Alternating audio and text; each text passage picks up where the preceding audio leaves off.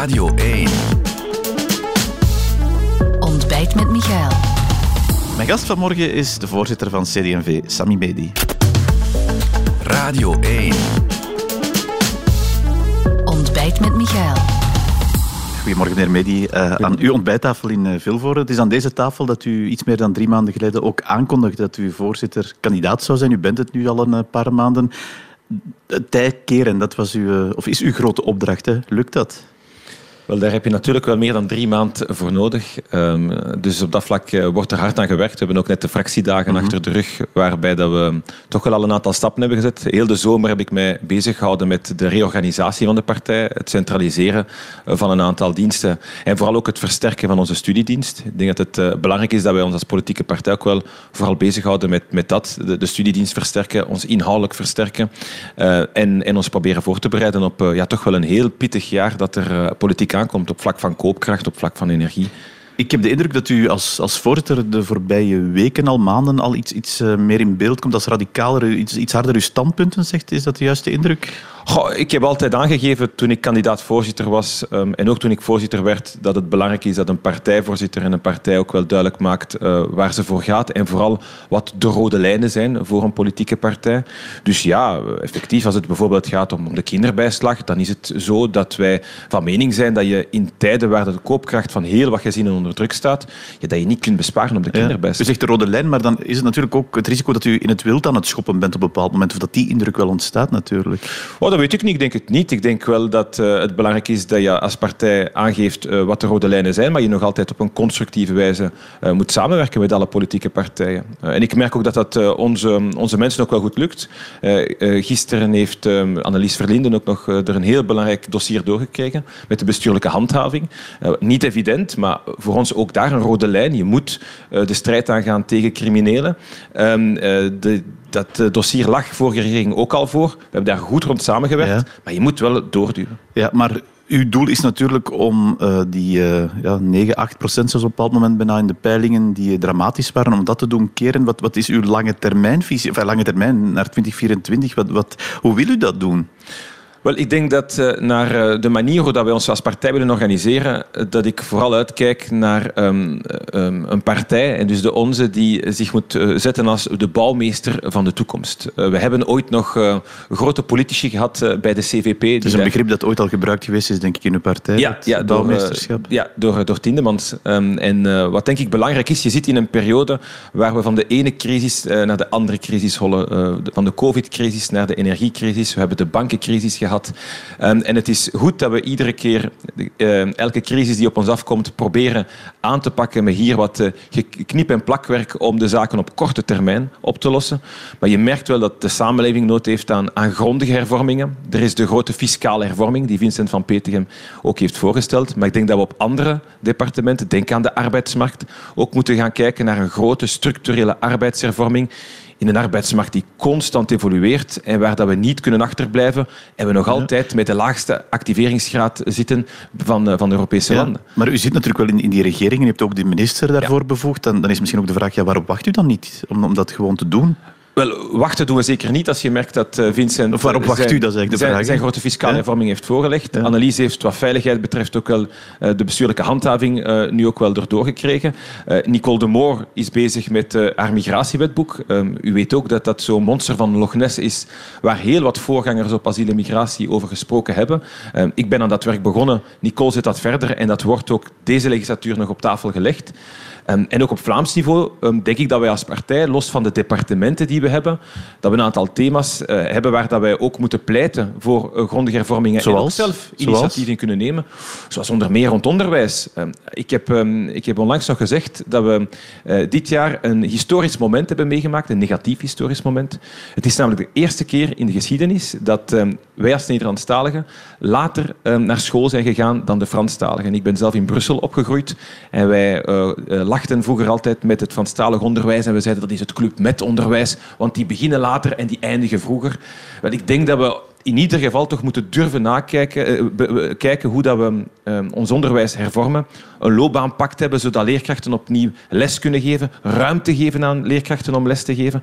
Want ook op dat vlak, naast bouwmeester zijn en uh, structurele hervormingen doen, denk ik ook dat wij een gemeenschapspartij zijn en sterker moeten zijn die minder uitgaat van een sterke, regulerende, etatiserende overheid die heel vaak alles bepaalt, die veel meer moet geloven in de kracht van de mensen en daar veel meer vrijheid in moet geven en minder moet betuttelen. Ja, u zegt daar allemaal dossiers die, die u uh, wil uh, erdoor krijgen, grote uh, hervormingen. Fiscaal haalt u dat ook aan. Natuurlijk, ja, dat ligt er. U moet het ook verkocht krijgen aan uw coalitiepartners en dat lukt precies toch niet zo heel goed allemaal.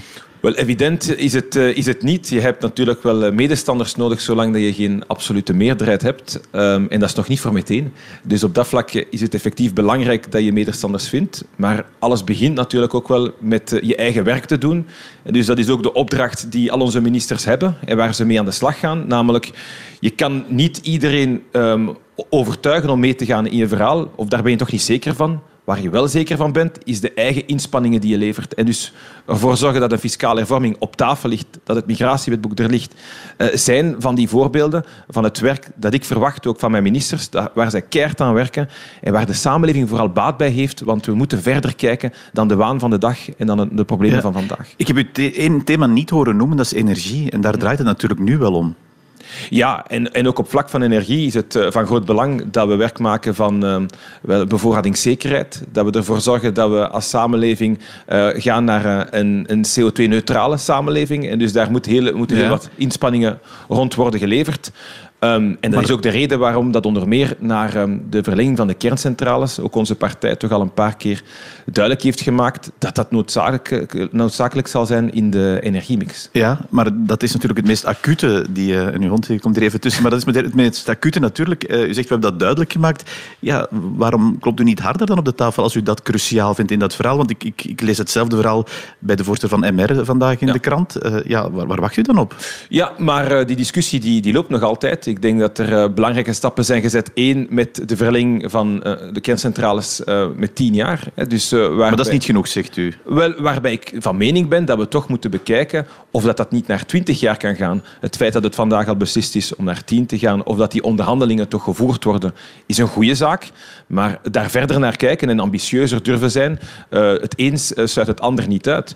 Met deze federale regering hebben wij ook beslist om 100 miljoen euro te investeren in onderzoek in, in, innovatie naar nieuwe kerncentrales. Je weet niet wat dat onderzoek zal opleveren en of we effectief uh, werk kunnen maken uh, van kleinere SMR-centrales. Maar in ieder geval, ook dat is een beslissing die genomen ja, is geweest en die van belang is. Meer dan twee kerncentrales openhouden, dat is ook altijd iets wat u nog wil bespreken? Ja, absoluut. Ik denk dat je, um, dat je geen enkel scenario kan uitsluiten en dus effectief uh, dat je zoveel mogelijk kerncentrales moet zien open te houden. En als je kijkt naar onze buurlanden, als je kijkt naar een aantal uh, landen waar ook al kerncentrales open zijn die wat ouder zijn dan de onze, ja, dan merk ik dat daar in principe nog wel marge toe moet zijn. Vindt dat gehoord binnen die federale regering? Want dat uh, lijkt of u dan staat erop in de woestijn als ik dat zie. Uh, in de woestijn weet ik niet goed. Ik denk in ieder geval dat um, soms dingen uh, beetje bij beetje evolueren. Niemand had gedacht dat in deze regering een verlenging van tien jaar van bepaalde kerncentrales mogelijk was. Het is gebeurd. Niemand had gedacht dat we uh, voor 100 miljoen euro gingen, gingen investeren in innovatie en, technologie wat nieuwe kerncentrales betreft. Maar we moeten voortduwen um, in het belang van onze energie, maar ook in het belang van ons klimaat. We hebben gisteren gezien dat er uh, door de Europese ministers van Energie een uh, vraag is gegaan, want dat is het eigenlijk, een oproep aan de Europese Commissie om die bevriezing van die gasprijzen te bekijken. Het leek gisteren of die gasprijzen al bevroren zijn. Hoe, hoe kijkt u eigenlijk naar die discussie? Of naar, naar dat voorstel? Een beetje teleurstellend. Um, ik, ik, begrijp niet goed waarom dat we gisteren, of sommigen gisteren, zo euforisch hebben gereageerd op het moment dat nog geen beslissing genomen is. Je hebt het over de minister van Energie, want dat was Stene van der Straat die daarover reageerde. Ja, ik heb, ik heb een aantal partijen euforisch zien reageren. Um, terwijl de beslissing is nog helemaal niet genomen. Europa heeft gezegd dat ze uh, het gaan onderzoeken. Met de vraag of dat, dat dan beperkt blijft, de plafonnering naar enkel Russisch gas of, of ander gas ook. Um, en dat dat tegen het einde van de maand zal gebeuren. Dus we zijn er nog niet. Mensen hebben vandaag gigantisch veel problemen om hun facturen te betalen. En dan denk ik dat je vooral moet opletten met de boodschap die je brengt. Want uh, je kan het populisten kwalijk nemen dat ze populistisch zijn, maar je moet natuurlijk ook wel niet zorgen voor vruchtbare grond voor populisten om daar gebruik van te maken. Dus u zegt dat euforisch reageren was ongepast? Wel, ik denk het wel, ja. Omdat je vooral voorzichtig moet zijn en mensen geen valse hoop moet geven zolang de beslissing nog niet genomen is. Ik ben het absoluut eens met de inspanningen die geleverd worden om tot die plafonnering te komen. Je moet daar proberen de landen die moeilijk doen te overtuigen, waaronder Duitsland. Geen gemakkelijke klant om overtuigd te krijgen. Je moet blijven spreken met andere landen zoals Noorwegen. Maar Um, zolang dat die uh, resultaten er nog niet zijn, denk ik dat je vooral heel erg moet opletten, want je leeft vandaag in een klimaat waar mensen ongerust zijn. En indien de beslissing dan toch niet zou vallen, ja, dan zal de wanhoop alleen nog maar groter worden. Dus zeggen dat die uh, prijzen zullen plafonneren, dat die factuur naar beneden gaat, dat, dat is nog niet aan de orde? Nee, zeggen dat je er nog altijd keihard voor gaat vechten tot het einde van de maand en daarmee alle landen iedere dag aan de telefoon zult hangen om ze overtuigd te krijgen dat we die prijzen moeten plafonneren. Ik denk dat dat de juiste boodschap is. Maar laten we opletten met uh, de verwachting uh, en vooral de beloftes die we vandaag waarmaken of denken waar te maken, terwijl dat de beslissing nog niet gevallen is. Wat zegt u dan aan mensen die ongerust zijn? Dat zijn er heel wat natuurlijk over het betalen van uw factuur. Wat, wat, u zit ook in die federale regering, u hebt de minister van Financiën. Ja. Wat kan u dan wel doen als, als die plafonnering niet zou lukken? Wel, een aantal inspanningen die we geleverd hebben, die waren van belang. Trouwens, de minister van Financiën heeft bijna een jaar geleden nog uh, helemaal alleen in de kerk zitten roepen om uh, een btw-verlaging van 21 naar 6 procent. Ik herinner mij dat toen alle andere partijen zeiden, maar dat is toch ja, schieten met een kanon. vandaag voelt amper ja. iemand nog. Hè? Maar om, om, aan te geven dat wanneer we als eerste een boodschap brengen, dat soms later de rest ook wel volgt. En dus dat is goed. Um, en ik denk dat we nog een aantal andere zaken moeten doen, zoals onder meer de overwinsten, waar al langer de vraag is uh, om, um, om die uh, de af te romen en ook wel de overwinsten te laten doorgaan uh, of terugvloeien naar, naar de belastingbetaler. Um, de vraag ligt op tafel en ook daar, net zoals Europa een afspraak heeft met de geschiedenis op het einde van de maand, ja, heeft de federale regering dat ook. En dus de vraag die aan, aan Tine van der Straten is gesteld om uh, te komen tot, tot die, een, een afroming van de overwinsten, ja, is van kapitaal belang, want het, zijn die middelen die we absoluut moeten kunnen gebruiken om, um, om de facturen voor een stuk betaalbaar ja, te houden. De afspraak is daar eind september moet dat op tafel liggen, begrijp ja. ik. Ja, klopt. Wat verwacht u daar dan van? Wel, ik denk dat we, dat we veel moeten verwachten en ook wel voor een stuk de verantwoordelijkheid uh, ook, uh, uh, moeten geven aan, aan die bedrijven die vandaag gigantische overwinsten boeken, die ook moeten vaststellen in wat voor samenleving we vandaag zitten en wat voor prijzen mensen vandaag moeten betalen. Dus het gaat voor mij ook wel over, over de bedrijven die al langer gekend zijn, maar je moet het ruimer durven, durven trekken, denk ik, en kijken ook wel naar een aantal gasbedrijven die ook heel wat overwinst te boeken vandaag in ons land. Um, en daar zoveel mogelijk um, uh, middelen uit proberen te puren die gebruikt kunnen worden om, om de lasten te verlagen. En twee, ik denk dat wij daarnaast ook wel voor structurele oplossingen ook opnieuw moeten zorgen. De korte termijn is leuk, maar de lange termijn is nog belangrijker. Dus uh, investeren in, in hernieuwbare energie, in zonnepanelen. Onze parlementsleden Robert Botuin en Helene Dierik hebben onlangs nog een voorstel gedaan om dat proces te versnellen. Want uh, je kan natuurlijk wel investeren in uh, extra sociale toeslagen en in extra middelen. En dat is nu absoluut nodig. Maar je gaat vooral op de middellange termijn moeten investeren in duurzame structurele ja, Maar dat is natuurlijk eerst deze winter doorkomen. Dat zal voor veel mensen ja. nu al uh, zaak zijn om dat te doen. U zegt die overwinsten en we gaan het breder bekijken. Betekent het ook dat de lat omhoog moet van wat dat moet opbrengen? Ja, als je het opentrekt en als je het breder bekijkt dan, dan, dan de bedrijven waar nu van, sprake van is, dan denk ik effectief dat dat meer moet kunnen opleveren. Uh, maar ik denk dat het vooral belangrijk is dat de minister die gesprekken voert ook wel met de sector of met de sectoren en dat we dan zien hoe ver dat we geraken. Dus daar nu een bedrag op plakken lijkt mij ook gewoon puur naar onderhandelingen en gesprekken toe niet zo wijs om te doen. Hoe moet u dat geld dat dat opbrengt dan inzetten om mensen hun factuur te verlagen? Hoe moet dat gebeuren volgens u? Wel, ik denk dat er nog wel wat middelen mogelijk zijn om, om mensen hun koopkracht te versterken. Um, en het is, het is daarom dat het moet gebeuren. Um, dat gebeurt enerzijds ook wel met uh, een, een taxshift die ook wel Vincent van Petegem uh, mee op tafel legt, uh, die deel uitmaakt, een stuk van de fiscale hervorming die, die al voor werd ge, gesteld, dat daar een taxshift van is om de lasten te verlagen, maar dat je daarnaast ook wel met middelen die vrij zouden komen, een stuk de koopkracht kunt versterken. En daarnaast ook wel zorgt voor een, een, een begroting die toch wel op een of andere manier onder controle controle probeert gehouden ja, te worden. Dat zijn de gezinnen. Ook bedrijven trekken aan de alarmbel bij VOCA. U was er ook, hebben we dat maandag uh, gezien. Um, uw minister, uh, uw Vlaams minister van Werk, had, heeft, heeft daar voorstellen voor, maar dat is nog altijd niet goedgekeurd. Hoe komt dat? Wel, ik, um, ik denk dat we daar effectief snelheid in moeten pakken. Onze partij heeft daar als eerste gehoor gegeven aan de terechte oproep van onder meer Unizo, die aangeeft dat vandaag één op de vier bedrijven zou kunnen sluiten.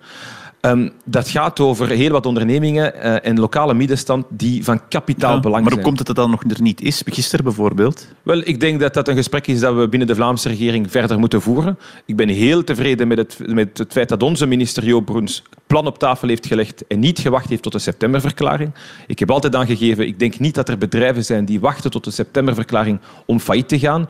En mocht deze crisis drie maanden vroeger zou zijn gebeurd, ja, dan denk ik niet dat we drie maanden geleden hadden gezegd ja, maar wacht, binnen drie maanden hebben we een septemberverklaring. Maar dus zegt u aan, aan uw collega's in de Vlaamse regering, aan andere partijen, het moet vooruit gaan en het moet, dat moet aan de komende week zijn, toch? Ja, absoluut. Ik denk effectief, um, en de boodschap is al overgebracht aan, aan de andere partijen in de regering, dat we, dat we geen tijd kunnen verliezen.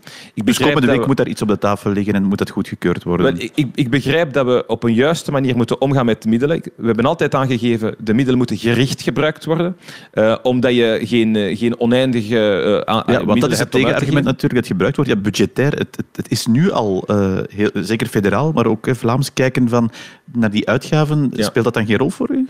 Jawel, maar um, ik denk dat op het moment dat je afstevend naar een economisch kerkhof, en dat is het wanneer één op de vier bedrijven verdwijnt of moet sluiten, dan denk ik dat je in die context nog maar heel weinig zult kunnen doen voor je begroting en voor je eigen economie. Dus als het land niet meer draait, als iedereen uh, eindigt in technische werkloosheid en bedrijven allemaal moeten sluiten omwille van de hoge prijzen, ja, dan eindig je met een catastrofe. En dus je moet vandaag die bedrijven zien in, eh, in, leven te houden, met wel een aantal vragen naar die bedrijven toe. Het is tijdelijk. Het is voor bedrijven die effectief hele hoge energiekosten hebben omwille van uh, de, de, realiteit waar we vandaag in zitten. En je moet ook vragen dat ze mensen niet op technische werkloosheid zetten, maar laten werken. Onze economie moet okay. blijven draaien of we hebben problemen. En stond vraag dan, wanneer moet er dat dan voor u liggen en goedgekeurd zijn? Zo snel als mogelijk. Ja, maar wat is dat dan heel concreet? Als het vandaag kan, vandaag. En voor de septemberverklaring in elk geval. Dat lijkt me toch in ieder geval uh, te moeten gebeuren. Ja. Oké, okay, dat is een duidelijke boodschap. Dank u wel, meneer uh, Medi, hier in Vilvoorde. Ja, merci. Dit was Ontbijt met Michael, een podcast van Radio 1. Ontdek nog meer podcasts van Radio 1 in onze app en op radio1.be.